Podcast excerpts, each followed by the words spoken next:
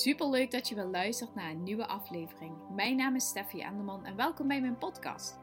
Mijn missie is om jou te inspireren op het gebied van zelfvertrouwen, eigenwaarde, durven te staan voor wie jij bent en het krijgen van een positieve mindset. Zodat jij alles gaat bereiken waar jij naar verlangt en over te voelt. Zullen we maar snel beginnen?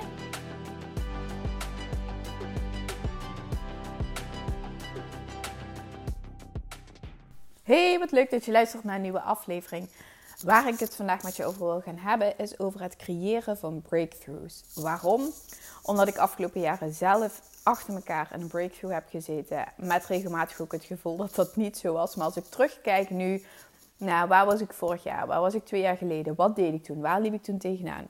Daar wil ik je even een stukje meenemen. En waarom dat ik continu in breakthrough zit. En waarom het voor jou ook essentieel is om hierin te zitten. Je bewust ervan te zijn omdat als je alleen maar bezig bent met, oh, het is nog niet goed genoeg, oh, ik ben er nog niet, oh, wanneer dit, wanneer dat. We willen altijd als we besluit nemen om te gaan veranderen, om een ander resultaat in ons leven aan te trekken, wil je gewoon eigenlijk al dat dat vandaag de dag is. Want je bent er misschien al maanden over nadenken om dat besluit te nemen.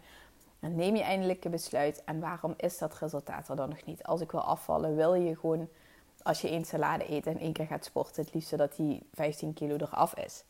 Helaas, pindakaas is dat niet zo. Het is zo dat je het hele proces ja, moet, mag, wil doorlopen. En daar leer ik je ook vaker over, over in de podcast. Dat het ook heel essentieel is om dit proces helemaal te absorberen. Om daarin te kunnen groeien. Omdat je daarin dan een ander persoon wordt.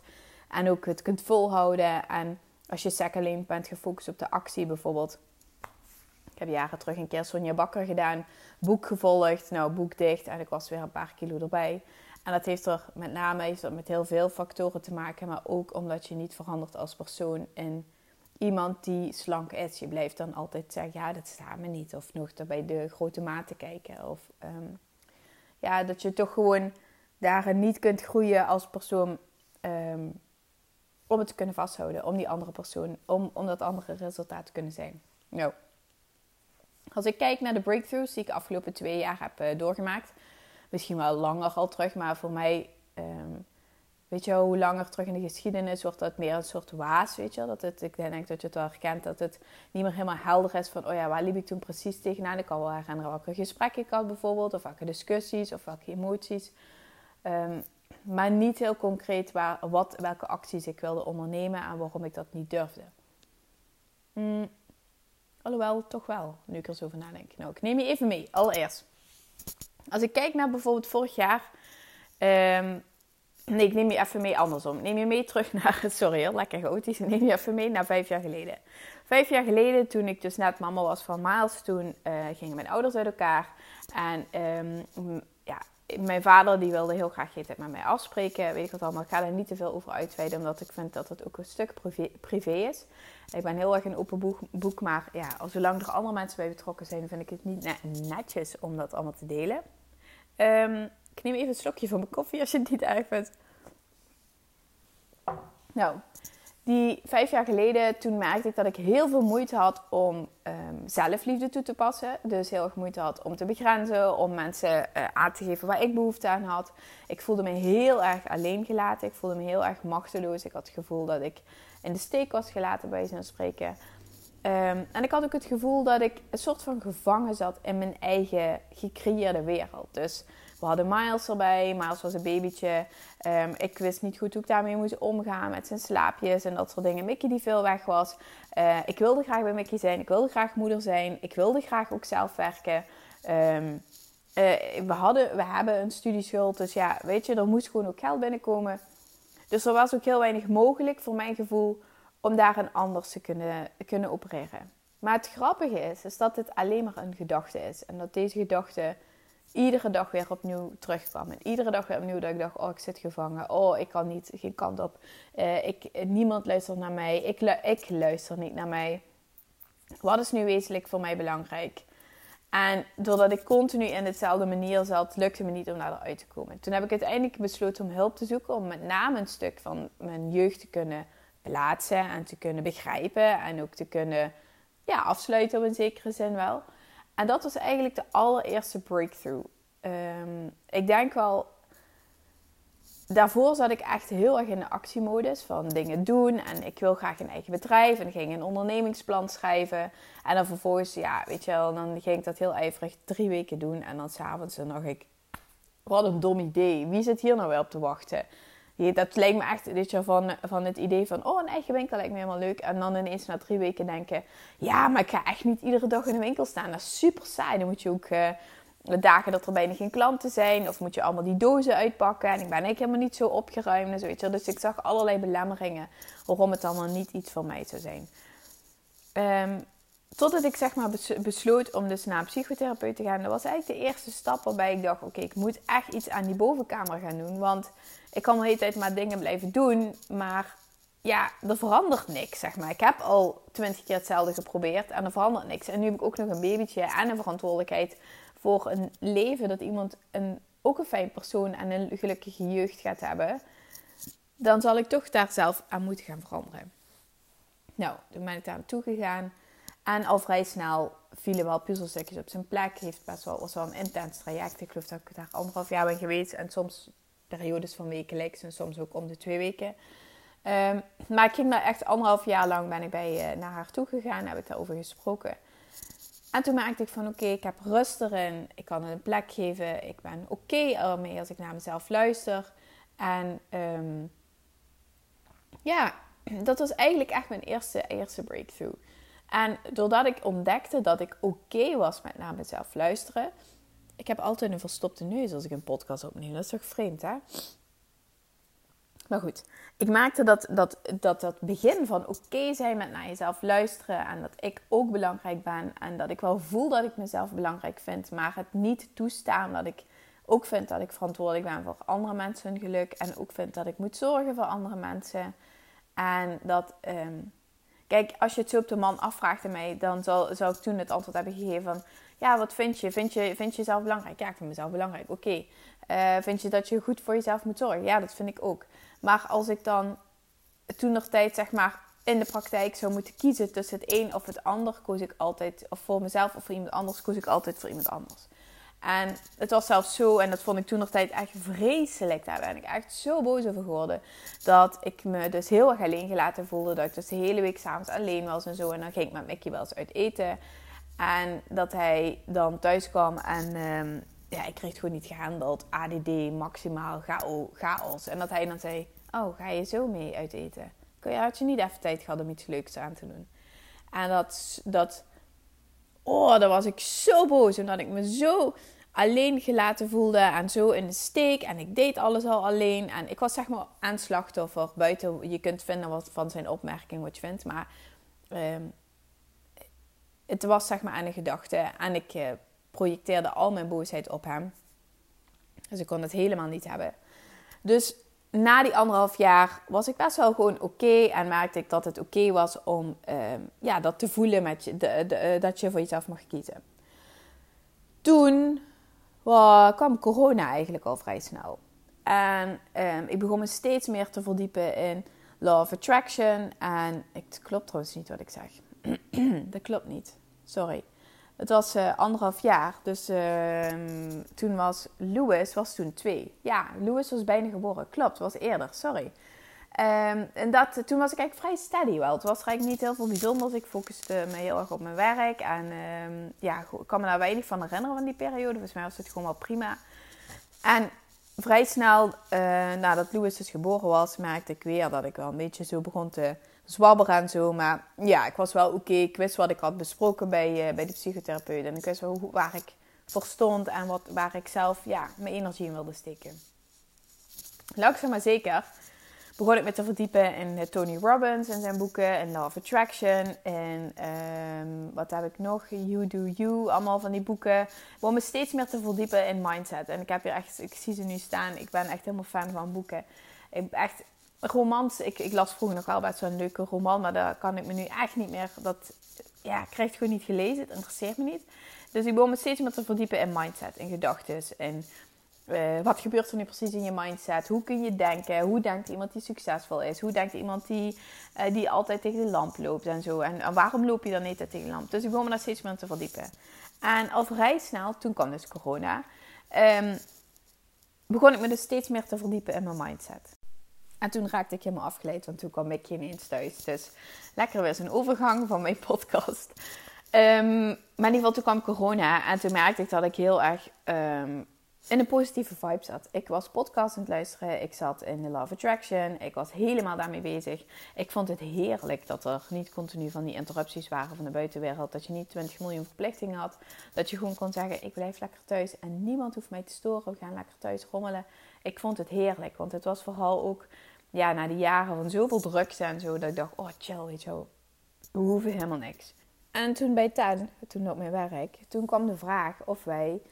Um, of ik althans, samen met een collega, een aantal cursussen wilden gaan geven.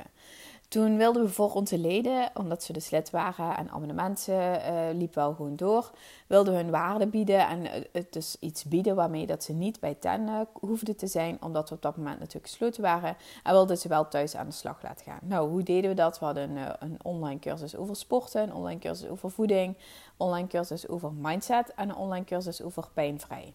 En ik mocht dus samen met een collega een cursus geven over mindset.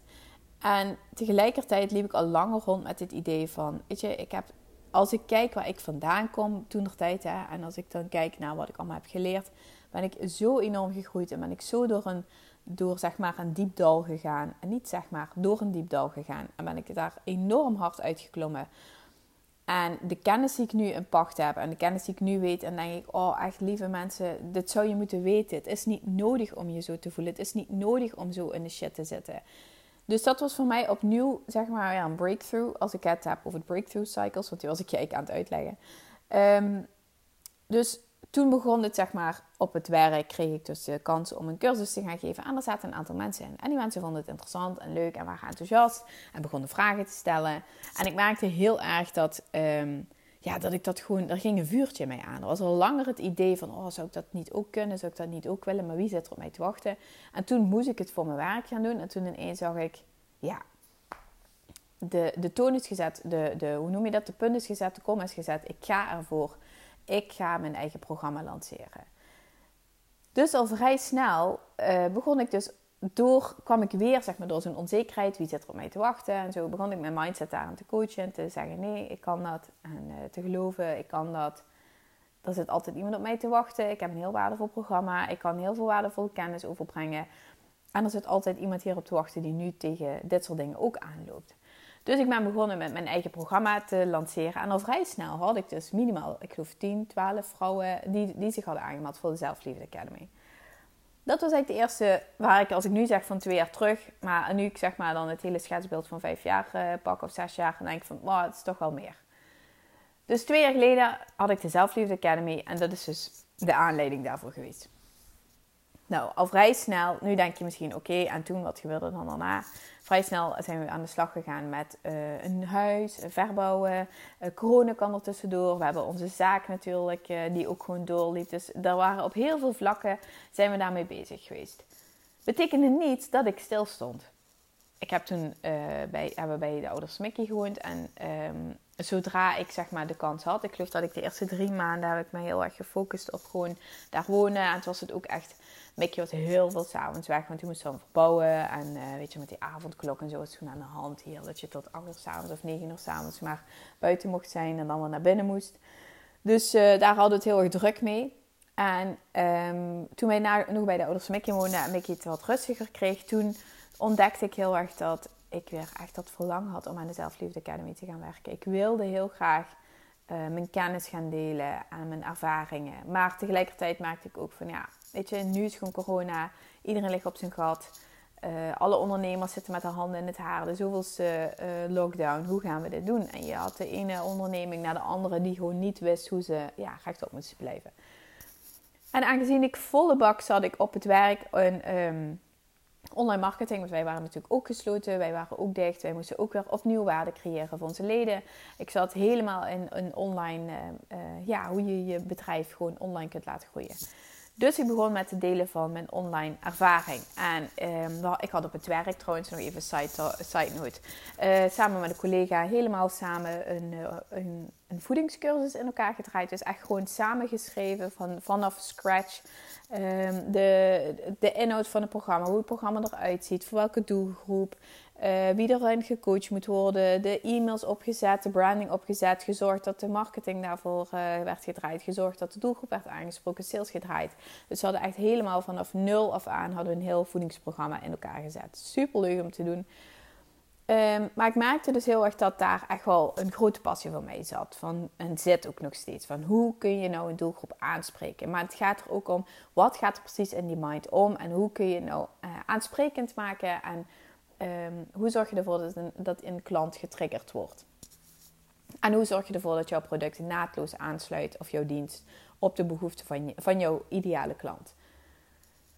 Nou, vanuit dat stuk ben ik begonnen met online uh, kennis te delen over uh, marketing en sales. En merkte ik al heel snel dat er superveel ondernemers op begonnen te reageren en ook vragen te stellen. Dat was heel erg leuk. En al vrij snel was daar het zaadje geplant van business coaching. Nog steeds die mindset, jezelf durven toelaten, er durven, voor durven gaan. Het is alleen maar een gedachte. Um, ik voelde heel erg, ik me gaan richten op business coaching. En daar, daar, dat was eigenlijk mijn, mijn zoveelste breakthrough. Ik ben gestart uh, met business coaching. Ik kreeg al vrij snel een aantal dames die ik kon gaan coachen. Dus die heb ik gecoacht op een, op een onderneming of op een droom. En sommigen hadden al jarenlang een onderneming. Anderen hadden de wens om een onderneming te starten. Anderen hadden een onderneming en wilden daar graag meer uithalen. Dus het waren verschillende soorten scenario's. Wat ik al heel snel merkte, was dat ik dacht in mijn hoofd: oh, nu ga ik al mijn technieken presenteren en al mijn ervaringen delen. En uh, hoe je uh, ervoor zorgt dat je uh, aanlokkelijk schrijft, hoe je kunt je doelgroep aanspreekt, hoe, hoe, hoe, zoek je doelgroep. En toen tijdens die gesprekken ontdekte ik dat het zijn allemaal, het is allemaal mindset. Het gaat niet om, zeker kan ik jou technieken aanleren hoe je een goede brief schrijft, hoe je een goede e-mail schrijft, hoe je leuke teksten schrijft, hoe je mensen aanspreekt. Maar als jij moeite hebt om zeven keer per week te posten of om één keer per week te posten, de frequentie boeit niet. Maar als je daar moeite mee hebt, dan is dat de blokkade die je hebt. En dan denk je dat je nog wat meer kennis moet hebben of dat, dat je wil weten hoe je leukere foto's maakt en dat je geen leuke foto hebt en uh, et cetera. Maar waar het daadwerkelijk om gaat, is dat je niet uh, jezelf toestaat om op een andere manier daarover te denken. Is dat je vast blijft hangen in je eigen denken en dat je daarin dus zelf geen breakthrough kunt creëren. Dus ik merkte eigenlijk al heel snel dat, het, dat ik dacht van, oh ik ga in de marketing uh, dingen, dingen vertellen. Maar het ging dus ook weer over, ja noem het zelfliefde, noem het jezelf toestaan. Het gaat gewoon uh, om de basis, allemaal om mindset. Vanuit daar raakte ik in verwachting en toen raakte ik zelf heel erg in een zat ik weer een soort van vast in mijn eigen gedachten. Um, Louis werd ziek, uh, het water kwam. Um, ik was zwanger en ik was sowieso doodmoe van die zwangerschap. Uh, de twee jongens die gewoon superveel energie uh, vragen. Het zijn allemaal gedachten wat ik je nu vertel. Het zijn geen feiten, het zijn gedachten. Het zijn mijn gedachten. Dus ja, ik merkte dat ik daarin gewoon op een gegeven moment ook ben gestopt om nieuwe klanten aan te trekken, nieuwe coachingstrajecten aan te trekken. Uh, ik begon ook wel te twijfelen van, ja, is marketing het nu wel? Wil ik daar wel op coachen? Wat wil ik nu precies? En um, er zaten, zaten ontzettend veel blokkades. En toen dacht ik, weet je wat? Weet je wat? Ik coachte in een vrouw, die heb ik, um, zij wilde graag zwangerschapscoach worden voor een optimale zwangerschap met een echt ideale bevalling. En dat je, ongeacht hoe je bevalling verloopt, maar dat je wel gewoon met blijdschap terug kunt kijken op je bevalling. En door haar te coachen merkte ik pas waar echt mijn blokkades ook wel zaten. Ik was zwanger en ik zag ineens zo op tegen die bevalling. Ik dacht, holy hell, hoe ga ik dit doen?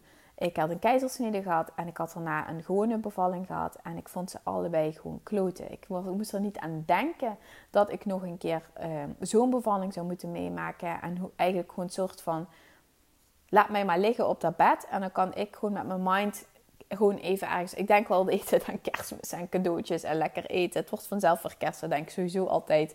Als er iets moeilijks zeg maar, in, in mijn lijf moet gebeuren. En tandarts of zo denk ik. Het wordt vanzelf weer kerst of het vanzelf weer zomer. Dus uh, de tijd gaat aan je voorbij en het is niet voor altijd, ook hoe erg dat het ook op dat moment aanvoelt. Nou, door haar te coachen maakte ik dus heel erg dat ik daar echt een dikke blokkade had. En zij begon te vertellen over hypnobirthing. Ik had er wel eens mee in verdiept, weet je wel. En dacht, wauw, een gezweef allemaal. Dat is echt helemaal niet mijn ding. Dus door haar te coachen ontdekte ik... Nou, misschien kan het toch wel wel iets voor me zijn. Ik ging me er verder in verdiepen en ik ontdekte eigenlijk dat dat precies was waar ik tegenaan liep. En precies was wat ik, zeg maar... Zij, als je dan kijkt op de website van wil je dit leren, wil je dat leren, wil je dat leren. Als ik dan zeg maar... Dat was precies zeg maar de oplossing voor mijn angsten. En ik dacht, dat is helemaal, dat gaat het helemaal zijn. Dus ik heb me daar echt ingestort. Ik ben uh, een cursus gaan volgen samen met Mickey. En het voelde heel raar, omdat je al twee zwangerschappen hebt gehad. Dat je denkt, ga je nu nog bij de derde die investering doen? Uh, maar ik wist dat als ik dat niet zou doen, dat ik de rest van mijn leven gewoon daar ook al moeite mee zou hebben. En als iemand anders mijn verhaal zou vertellen over een prachtige bevalling, dat ik niet zou snappen dat dat mogelijk zou zijn. En vooral ook gewoon de overtuiging zou hebben en mijn verhaal zou hebben dat het altijd moeilijk is en altijd zwaar. En dat er geen mogelijkheid is om een breakthrough te creëren. Dus ik ging uh, hypnobirthing doen. Uh, vijf bijeenkomsten gehad, dat boek gelezen. En dat boek dat daar stond in de cursus hadden, ze gezegd, het idealiter, dat je dat boek een paar keer moest lezen. En uh, dat er een aantal affirmaties in zitten. En er zit ook een uh, meditatie in en zoiets allemaal. En ik merkte dat ik zo tegen de... Ik was zo'n 36 weken zwanger of zo, denk ik. 35, 36 weken. En dat ik nog steeds die angst had van... Oh, wat nu als dit? En wat nu als dat? En dat ik nog steeds die twijfel had. En dat ik het liefste dat gewoon wilde wegstoppen onder het mom van... Ja, maar ik heb toch een cursus gevolgd? Ja, maar ik heb toch een boek gelezen? Ja, maar ik, ik, ik, ik heb het, ik weet het. En uh, je moest dan ook oefeningen doen, bijvoorbeeld met je partner... dat je partner jou kan helpen tijdens de bevalling. Als je uh, ja, gewoon de een vindt het fijn om een massage te krijgen, de ander vindt het fijn om een bad te gaan. Er zijn heel veel hulpmiddelen die je kunt inschakelen. Dus ik had met, uh, met Mickey wel eens geoefend, maar ik merkte dat dat oefenen ook niet echt ging. En ik vond het eigenlijk niet echt heel fijn. En ik werd heel erg afgeleid en ik luisterde heel erg naar zijn stem. En ik denk, wat, wat zeg je nu allemaal? Um, dus toen ontdekte ik dat dat het ook niet echt voor mij was. Dus ik begon weer heel erg te twijfelen in mijn ratio te zetten. Van ja, we hebben niet genoeg geoefend. En wat nu tijdens de bevalling als hij mij niet kan helpen. En vanaf week 36 begon ik andere podcasts te luisteren over bevallen. Ik begon me nog verder te verdiepen. Ik had een ander boek nog gelezen. En ik had nog een boek besteld. En ik dacht, ik moet me echt gewoon nog beter voorbereiden. Ik moet er helemaal, me helemaal kunnen onderdompelen in het feit... Ik weet precies wat ik moet doen. Ik weet precies hoe ik mezelf kan ontspannen. Ik weet precies, ja, het gaat pijn doen. Maar ik heb alle hulpmiddelen in mij om me te kunnen ontspannen tijdens een pijn. En ik weet precies hoe ik moet ademen. Ik weet precies, het is allemaal oké. Ik weet genoeg. En dan kun je zeggen, ja Steffi, je bent pas met week 42 bevallen. Dus dat heb je nog bijna, of bij het 41,5, dat heb je nog uh, bijna zes weken kunnen oefenen. Ja en nee ik ben er heilig van overtuigd dat ik die bevalling heb gemanifesteerd. De manier waarop het is echt een prachtige bevalling geweest. In het ziekenhuis, de verloskundige zei ook uh, achteraf, het heeft ze niet van tevoren gezegd, van jij was zo in jezelf. Ik zag precies dat je het helemaal onder controle had. En daarom wist ik ook dat het gewoon super snel zou gaan, omdat jij helemaal relaxed en ontspannen was. En je was helemaal in jezelf. En ja, ik, ik vind het gewoon jammer dat ik het gewoon niet nog een keer kan meemaken. En dat is zo bizar om te zeggen dat ik gewoon twee, ja, voor mijn gevoel, rukbevallingen heb meegemaakt. En het ligt helemaal aan mezelf. En dan zo'n mooie bevalling die, ja, gewoon als kers op de taart het heeft afgesloten. Dus dat was voor mij een mega breakthrough. En ook weer de bevestiging dat mindset is alles. Hoe je erin staat. Bij Louis had ik echt, ja, dat, ze zeggen dan dat is de eerste vaginale bevalling, vast en zeker. Maar de bevalling van, ik geloof bijna 18 uur. Uh, nog een keer een dosis ruggenprik. Uh, ja, op mijn rug, vreselijk. Het was echt gewoon niet fijn. En bij Bowie ook op mijn rug bevallen. Maakt eigenlijk niet uit hoe ik ben bevallen. Maar uh, wel gewoon best wel goed ingescheurd. Omdat het gewoon een kind is van 4,5 kilo. Maar daar heb ik geen moment uh, last van gehad, pijn van gehad, moeite mee gehad. Dat ik dacht, oh ja, wat echt dat ik zoveel ben ingescheurd. Helemaal niet. Het was zo'n mooie bevalling. Het was zo natuurlijk. En Bowie is ook gewoon zo'n relaxed baby. En alles klopt gewoon. En het heeft voor mijn gevoel echt, was het gewoon weer de bevestiging dat mindset is alles. Dat ik mijn eigen bevalling zo heb gemanifesteerd. Omdat ik er zo heilig van overtuigd was. Dat ik precies wist hoe ik ermee om moest gaan. Ik ben in bad gegaan. Ik heb geen ruggenprik gehad. Uh, dit verliep allemaal soepeltjes. En dat je eigenlijk denkt van wauw, zo kan het gewoon ook. Gewoon 10 minuten per zijn. Hij was er. Uh, bevalling heeft uiteindelijk, geloof, twee uur of drie uurtjes geduurd. Uh, van de eerste wee, zeg maar, tot, totdat het echt, tot het geboren was. Ja, het was gewoon echt de mooiste bevalling ever. Nou, in ieder geval terug naar mijn breakthroughs. Ik kan hier echt nog uren over, over vertellen. Ik denk dat ik nog een keer een aparte podcast hierover opneem. Um, nou, toen had ik dus uh, die uh, bevalling achter de rug. En al vrij snel na de bevalling voelde ik me dus gewoon goed. Weet je, ik had nergens last van. Het ging allemaal prima. Maar ik had mezelf voorgenomen om niet weer mezelf die druk op te leggen van uh, ik moet aan mijn eigen bedrijf werken. Ik moet nu dat bedrijf laten groeien. Ik ben nu toch al zo lang bezig. Ik wilde volledig me vrijmaken van eigen boetes of van eigen gedachten zoals... Ehm, ik ben toch al ondertussen toen 33 jaar oud. Het kan toch niet zo zijn dat. Ehm, ik moet toch ervoor zorgen uh, dat, dat het nu eindelijk eens gaat groeien. Wat zullen de mensen wel niet denken? Dus ik was helemaal oké ermee dat ik gewoon... Ik wilde een jaar lang voor mezelf de tijd nemen om te focussen op ons gezin. Om te focussen op weer fit worden en lekker aan mijn vel te zitten. En in mijn zwangerschapsverlof, um, ja, Bowie sliep. Ik had de tijd. Het was, weer allemaal, het was toen heel opgeruimd hier. Um, dus ik, ja, reels kwamen steeds meer op. En ik denk, oh, wat leuke reels. Ja, misschien heb ik ook al tijd om een reel op te nemen. Maar ik merk ook dat reels opnemen voor mij en, en content maken moet ergens over gaan wat mij uh, triggert. Ik, ik ben niet iemand die foto's gaat maken of reels gaat maken alleen maar over het moederschap.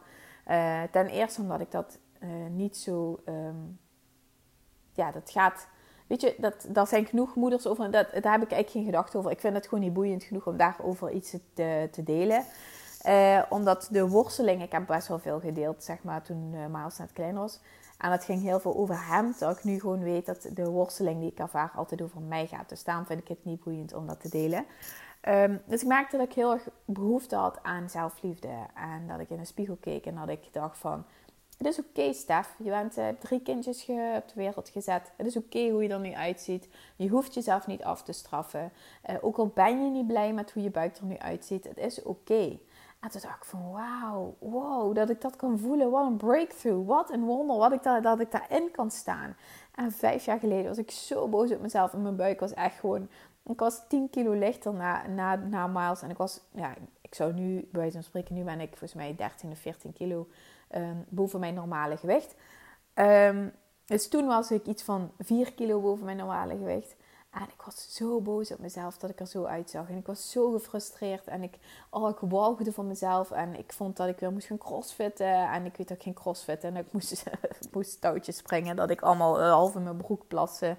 Dus ik dacht, oh, dat is het ook niet. En oh, wat vreselijk. En waarom kunnen al die andere mensen dat wel en ik niet? En oh, ik zat zo in zo'n negatieve spiraal. En nu was ik gewoon oké ermee. Ik, was gewoon, ik ben gewoon fucking 10 kilo zwaarder dan dat ik na mijn huis was. Mijn buik is gewoon echt gewoon, ik vind het echt niet mooi, maar ik ben er gewoon oké mee. Het is gewoon oké.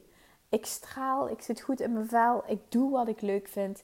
Ik heb drie prachtige zonen. Uh, ik, ik heb het hartstikke fijn met Mickey. We hebben het super fijn samen. We hebben onze, onze ten wat gewoon prima gaat. We hebben al een huis. Het gaat gewoon allemaal. We kunnen doen wat we willen. Het gaat gewoon gewoon top. Dus waarom zou ik me druk maken over een buik die op termijn wel weer smaller wordt en wanneer ik weer meer tijd heb om daar op te focussen. En ja, dit zijn ook allemaal gedachten en die gedachten kan ik switchen, maar zolang ik gewoon oké ben, voel ik ook dat het oké is en dat er geen urgentie is om daar nu iets aan te doen. En dat, vind ik zo, dat vond ik zo fascinerend dat ik dacht: oh, dat moeten meer mensen weer horen. Weer precies dat gevoel van wat ik dus een paar jaar geleden had met Zelfliefde Academy. Dit moeten meer mensen horen. Dat je oké kunt zijn met iets wat je niet mooi vindt. Dat je niet jezelf hoeft af te straffen. Want we krijgen de hele dag door Uh, allemaal van die beelden op Insta. Oh, vreselijk. Ik zag laatst ook weer iets voorbij komen. Zo'n, ja, eigenlijk, en dat, dat is ook wel een gedachte, hè. Luister, ik... Schrijf ze allemaal op wat je allemaal wordt, want ook je eigen gedachten. Het is zo waardevol, het zegt zoveel. Ik zag dus een uh, advertentie voorbij komen. Superleuke katoenen broek, paars. En daarop zo'n soort, ja, het zal meer een soort bikini topje zijn geweest, zeg maar. Dat idee. Um, met spaghettibandjes en een beetje zo'n uh, Ibiza-achtige stijl. En ik wilde het nog net niet op Insta delen. Dat ik dacht, ja, hallo, uh, welke moeder gaat hierin lopen van drie kinderen?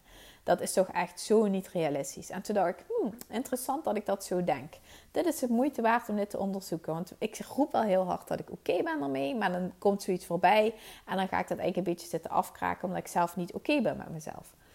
Wat ik dus eigenlijk wilde zeggen, mijn hele punt, is dat we de hele dag beelden krijgen te zien op social media, maar ook op tv, op Netflix. Je weet je, je krijgt het de hele dag ingeprent op hoe je er zou horen uit te zien. Er zijn weinig um, andere beelden dan slank, mooi, lange haren, grote borsten, uh, grote billen. Weet je, dat is gewoon een bepaald stereotypering die continu wordt ingeprent, waarmee dat je dan jezelf gaat vergelijken. Want dat is een heel natuurlijk mechanisme dat je jezelf vergelijkt hoe je tot de groep zeg maar behoort, of je nog sociaal wenselijk en geaccepteerd bent, of dat je toch wel iets buiten de boot valt, waardoor dat er gewoon kans op gevaar is. Zo denkt jouw brein. Dus worden de hele dag daarmee geïnfecteerd, kun je wel zeggen. En dat creëert gewoon heel veel onrust en heel veel um, weinig zelfliefde, weinig zelfacceptatie, weinig ruimte om oké te zijn met jezelf. Dus toen ik dat ervaarde, dat ik oké was met mezelf, dacht ik, dit wil, wil, ik gaan delen, dit proces. En zo groeide langzaam weer de behoefte naar zelfliefde, uh, om dat te gaan delen. Ik ontdekte ook heel erg dat weer de invloed van mijn gedachten, Um, de invloed van mijn mindset, ook wel vanuit die bevalling, dat hele uh, ervaring. Dat ik dacht, ja, dit, weet je wel, vanuit de uh, business coaching heb ik ervaren, het gaat om mindset. Vanuit zelfliefde heb ik ervaren, het gaat om mindset. Vanuit mijn eigen stemmingsklachten en semi-depressie, namaals, um, het gaat om mindset. Um, alles binnen ten, alles binnen sporten, afvallen, waar ik iedere dag mee te maken heb, welke resultaten mensen hebben. Uh, sommige mensen zijn echt van, ja, ik heb in één keer gewoon ben ik uh, lid geworden, ik ben 20 kilo kwijtgeraakt. Ja, hoe heb je dat gedaan dan? Ja, ging gewoon in één keer de knop om. Ja, maar hoe dan? Ik vind dat gewoon fascinerend. En in ieder boek, alles wat ik lees, en ik merk het gewoon dagelijks in ieder gesprek, waarom iemand wel resultaten heeft en de ander gewoon geen resultaten heeft. En het komt niet door de acties die je neemt, maar het komt door hoe je denkt. Dus van daaruit weer, als ik dan kijk naar de breakthroughs die ik heb gehad, dan denk je misschien, oh ja, je staat heel stil omdat je het gevoel hebt van ik neem vandaag een besluit. En ik wil er dan al vandaag ook al zijn of de resultaten van ervaren. Maar als je dan kijkt met een terugblik naar afgelopen jaren, super interessant om te kijken welke breakthroughs heb je allemaal gehad. Wat, wat mijn boodschap uit dit, hele verhaal is, en nu kom ik eigenlijk pas echt aan de podcast, ben echt al uren aan het lullen. Um, is dat het essentieel is om te gaan voelen en toelaten hoe je daadwerkelijk je voelt. Als je niet gaat toelaten welke emoties je ervaart in je leven, krijg je ook niet de regie over je leven. En we denken altijd zo, ja, iemand anders die kan heel goed voelen, maar ik, ik voel het allemaal niet. Of um, ja, ik voel het wel, maar ja, ik weet niet hoe ik me anders zou moeten voelen. Of ik ben nou eenmaal zo die altijd me zo voelt. Um, hierdoor heb je, vertel jezelf een verhaal. En dat is ook wat ik je net allemaal zei: van dit is gewoon een gedachte, is geen waarheid. We vertellen onszelf een verhaal. En een verhaal waarin we iedere dag opnieuw weer de bevestiging zien. En iedere dag weer opnieuw denken dat het zo is. Net zoals de zwangerschap of de bevalling. Waarin ik op een gegeven moment geloofde: ik kan mijn eigen bevalling beïnvloeden. Ik kan mijn eigen bevalling sturen. Ik kan die manifesteren als ik er maar op een bepaalde manier over denk en mee omga en de juiste tools krijg.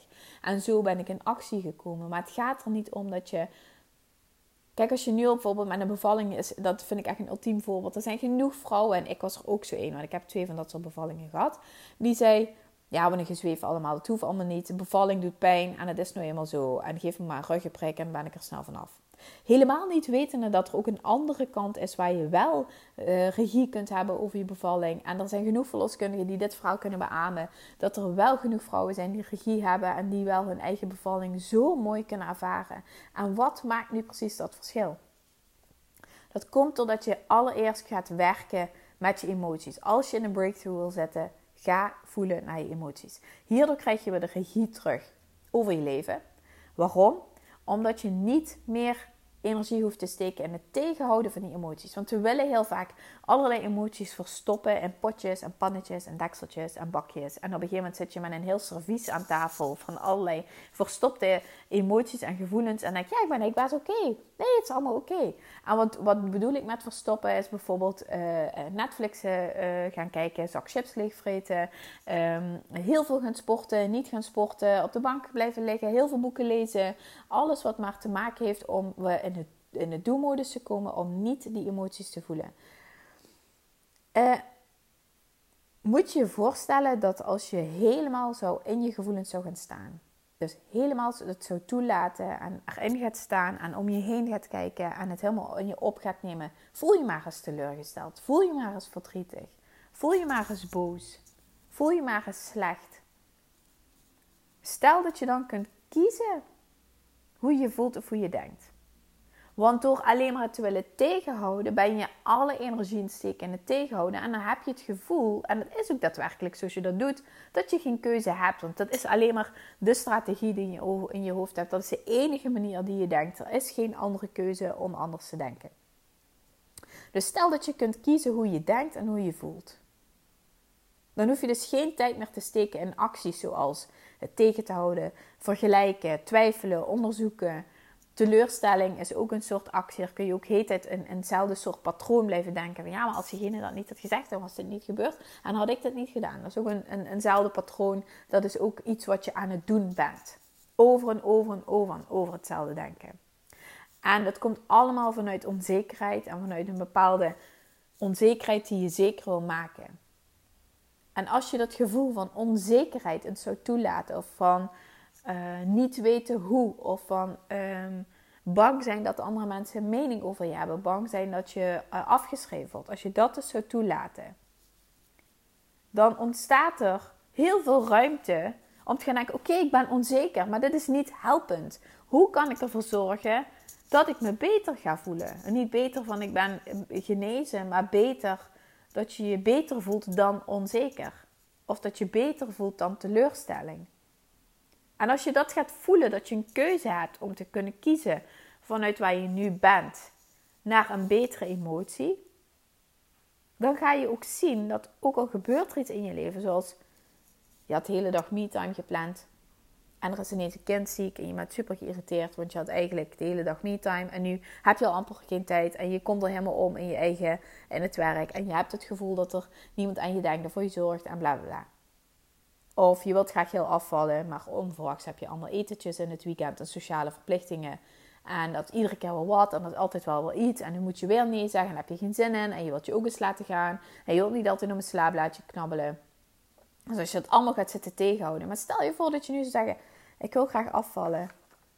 En ik baal dat er weer een etentje is. Ik baal er gewoon van. In plaats van dat je dat je het gaat tegenhouden of dat je gaat, uh, het gaat verstoppen, de emoties. Wat er dan gebeurt, is dat je niet meer zult voelen dat je wilt stoppen ermee. En dat het niet voor jou is weggelegd. En dat het toch geen zin heeft, want er is altijd wel wat. Dat soort emoties ga je niet meer hebben. Omdat je weet hoe je je beter kunt voelen. Hoe je ermee om kunt gaan. Hoe je je wel helpende gevoelens kunt gaan creëren. Dus om echt in je gevoelens te gaan staan, geeft je op korte termijn de mogelijkheid om je veel vaker stukken beter te voelen. En op de lange termijn zelfs snelle resultaten te kunnen gaan boeken. Dus je hoeft niet meer te twijfelen, je hoeft niet meer onzeker uh, emoties, zeg met onzekere denkpatroon uh, af te wikkelen. Je hoeft niet meer jezelf te vergelijken. En doordat je je beter gaat voelen, ga je dus ook zien: ah, wacht even, ik heb, een, ik heb dit weekend een etentje. Ja, dat uh, vind ik vervelend, daar baal ik van. het is heel gezellig. Maar uh, is heel fijn. Maar ik heb, wil wel gewoon uh, bezig blijven met afvallen. Ik wil niet dat dit etentje mijn weegschaal en mijn resultaat beïnvloedt. Dus ik ga genieten van het etentje. Maar het beïnvloedt niet mijn weegschaal. Hoe, ga je, hoe zou je dan moeten denken? Hoe zou je daar dan bij moeten voelen? Zeker. Ik voel me daar zeker in. Ik hoef geen onzekerheid toe te laten dat ik een etentje heb. Maar wat zou je, welke acties zou je gaan ondernemen als je je zeker zou voelen dat het niet de weegschaal zou beïnvloeden? Ik durf te wedden dat je dan zegt: Ja, ik ga niet het hele bord leegvreten. Want dat, uh, of alle hapjes van tafel afkanen en nog zes, uh, zes glazen wijn binnen tetsen. Omdat je weet dat het dat resultaat zou beïnvloeden. En omdat je weet dat je daar helemaal kut onder voelt. Sorry voor het woord. Dus als je vanuit zekerheid gaat handelen, ga je hele andere acties uitzetten. Dus je hoeft helemaal niks meer te verstoppen. Hoeft niet. En ook al denk je misschien, ja, maar Steffi, emoties voelen, dat is toch alleen maar voor sensitieve mensen. Ik ben niet zo sensitief, ik voel dat allemaal niet zo, ik weet niet waar je over hebt. Begin dan met, ik voel me goed of ik voel me slecht. Dat kan iedereen voelen. Ik voel me goed of ik voel me slecht. En als je je slecht voelt, onderzoek dat dan eens. Ik, wat voor slecht is dat dan? Is het boos? Is het teleurstelling? Is het verdriet? Is het wanhoop? Daar kun je in gaan onderzoeken. En vanuit goed, vanuit slecht voelen, of ik voel me niet, niet fijn, naar wel fijn, naar wel lekker, naar wel goed voelen die stap kun je gaan maken. En dat is wel niet een. Je kunt niet vanuit heel slecht naar heel goed, maar je kunt wel vanuit slecht naar neutraal. Van oké, ik ben er oké mee. Ehm, het is niet zo, oh jep, ik heb zin in het etentje. Maar dat je bijvoorbeeld kunt denken van ehm, het etentje gaat niet mijn weegschaal beïnvloeden. Daar ben ik oké mee. Dan ga je dus echt zien hoe je met je gedachten en met je gevoelens andere acties gaat uitzetten. Zodat je wel in regie bent over de resultaten in je leven. Oké? Nou, dit is een hele net al lange podcast geworden. Bedankt voor het luisteren. Ik hoop dat je hem super interessant vond. Um, laat me weten als je een vraag hebt hierover of je wilt hierover sparren. Dat kan altijd. Stuur me een berichtje op Insta, dan uh, beantwoord ik hem heel graag. Wil je meer hierover weten? Hier gaan we echt helemaal mee aan de slag met dit stuk op het zelfliefde event gaan we helemaal dieper in over je emoties en hoe je dat ook kunt ontrafelen van, nou, wat voel ik nu precies? En ehm, eh, over welke, want soms gooi je het allemaal op één hoop. Hè? Dus dat je over verschillende, over één situatie verschillende gedachten en emoties hebt. Je voelt je misschien boos en teleurgesteld en alles door elkaar. Dus dat je dat allemaal door, ehm, uit elkaar kunt gaan pluizen en ook kunt gaan zien welke acties neem ik nu precies vanuit teleurstelling of vanuit boosheid. En hoe helpt dat wel of niet bij en hoe kan ik wel of niet mijn gevoelens veranderen. Dus dit uh, zit allemaal in het zelfliefde event. Wil je daarbij zijn? Er zijn nog kaartjes vrij als je dit uh, nu hoort dat ik hem uitbreng. Dat is zondag 3 juli. Kaartje kost 69 euro en je kunt je aanmelden ook via Insta. Super bedankt voor het luisteren. Ik wens je een hele fijne dag of avond of middag als je dit luistert. En ik spreek je de volgende keer weer. Doei!